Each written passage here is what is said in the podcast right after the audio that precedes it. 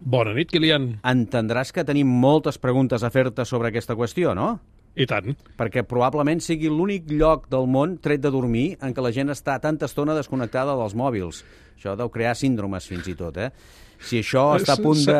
Seria així, no? Se'ns ha acabat la tranquil·litat. S'ha sí. acabat la tranquil·litat, certament. Bé, doncs si això és així, que sembla que és així, tenim, com dèiem, moltes preguntes. Va. Eurecat, centre tecnològic de Catalunya. Innovant amb les empreses. Innovant amb tu. A punt per l'interrogatori, Albert? Endavant. La primera pregunta és molt clara. Fins ara no ho fèiem i tots complíem molt perquè, clar, estàs allà dalt i dius, ai, eh, per la seguretat el que calgui. Això que ara ens deixaran fer no representa cap risc de seguretat?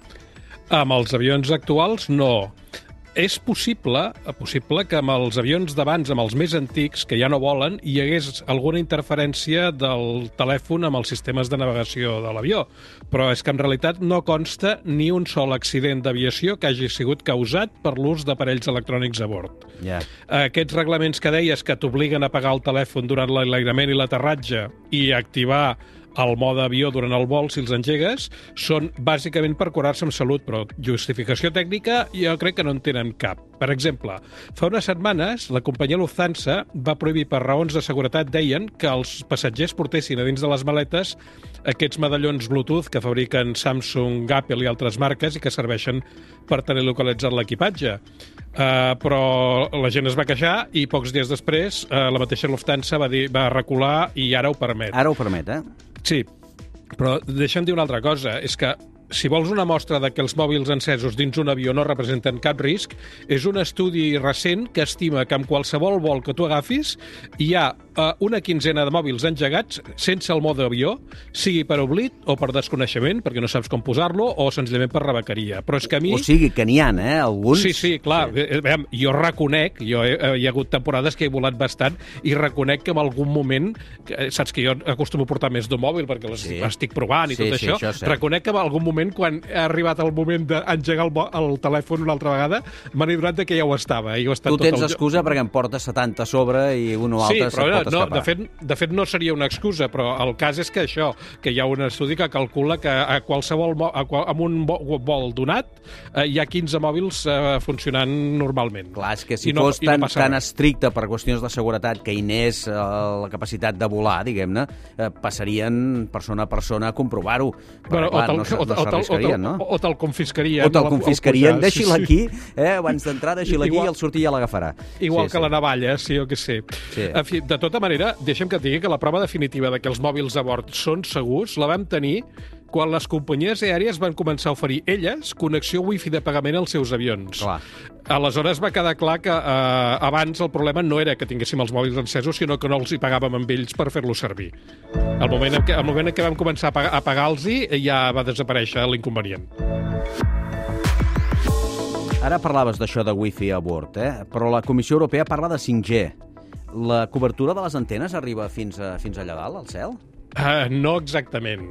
Aviam, com deies, fins ara els serveis a bord connectaven la Terra amb l'avió amb antenes espacials, com passa a la Xina, o per satèl·lit, com passa a Occident, i els passatgers ens connectàvem a un router wifi embarcat, i això és el mateix que, per cert, continuarà passant amb el transport terrestre amb les noves freqüències aquestes que Brussel·les ha aprovat. Vull dir que el, el, el cel, les aprova, el, 5, el 5, els 5 GHz aniran per 5G i a terra seran servir per wifi. Yeah. En canvi, a bords dels avions el que hi haurà és la mateixa cobertura 5G que a terra, perquè qui la donarà serà la pròpia operadora.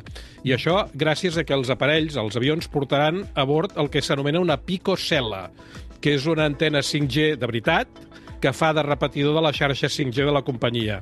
Eh, es diuen Pico perquè estan a mig camí entre les, les antenes macro, que són les que veiem als terrats de les cases i, pel, i amb aquells pals al mig del camp, sí. i una cosa que es diu femtocel·les, que encara són més petites, eh, que estan connectades per fibra òptica i que algunes telefòniques les instal·len a les empreses i a les llars on no hi arriben directament amb cobertura 5G. I això que tu li has dit picocel·la, aquesta sí. eh, anirà a, a l'avió, diguem-ne, eh? Penjada del sostre, Penjada diguéssim. Del sostre per sobre, sí, sí. s'entén. Sí, sí. Clar, és, per dins no.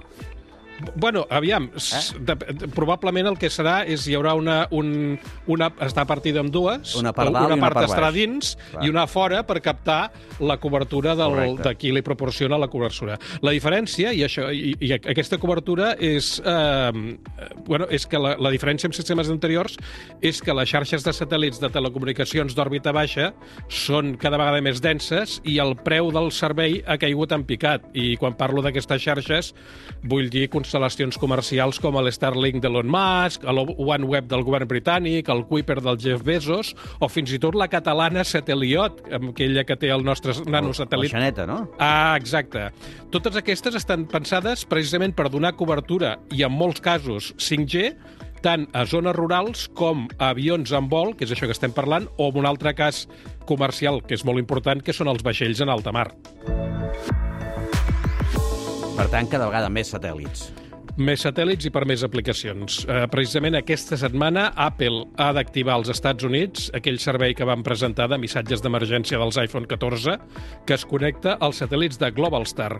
I Apple els hi paga, em sembla que 500 milions de dòlars perquè donar aquest, per donar aquest servei. Abans ja havia presentat una cosa semblant Huawei, en aquest cas amb cobertura de la xarxa xine- xinesa dels satèl·lits de Beidou. I tot just avui hem sabut que Samsung, eh, no es podia saber, eh, prepara pel Galaxy S23 que presentarà al febrer una funció avançada com aquesta que dèiem d'Apple i de Huawei, però que no només transmetrà missatges d'emergència, sinó també podrà transmetre més coses, imatges de baixa resolució, i en aquest cas ho farà amb els satèl·lits de la xarxa Iridium, que ara és propietat del grup francès Thales. Aquí la cosa, el problema potser serà que s'haurà d'acabar la tranquil·litat als avions, no? Els viatges en avió, una mica? Sí, allò de, ens podíem, eh, fins ara podíem tenir al costat algú mirant una sèrie, però ara podrem, el podem tenir, el podem, podem sentir-lo haver-lo d'aguantar tot el vol parlant amb la cosina, diguéssim. D'acord. Bé, eh, converses que tinguem previstes en els avions, fem-les una miqueta a veu baixeta, si pot ser. Aquí, Sí, pot ser. Aquí nosaltres farem les converses, com sempre, a veu radiofònica, que és el que toca, perquè els oients ens sentin bé i notin totes les explicacions del nostre especialista, que ja el sentim riure.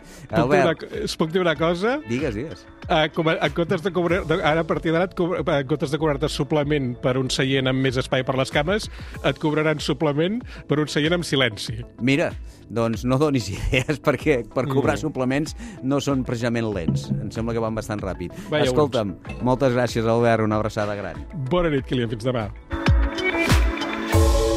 Eurecat, centre tecnològic de Catalunya. Innovant amb les empreses. Innovant amb tu.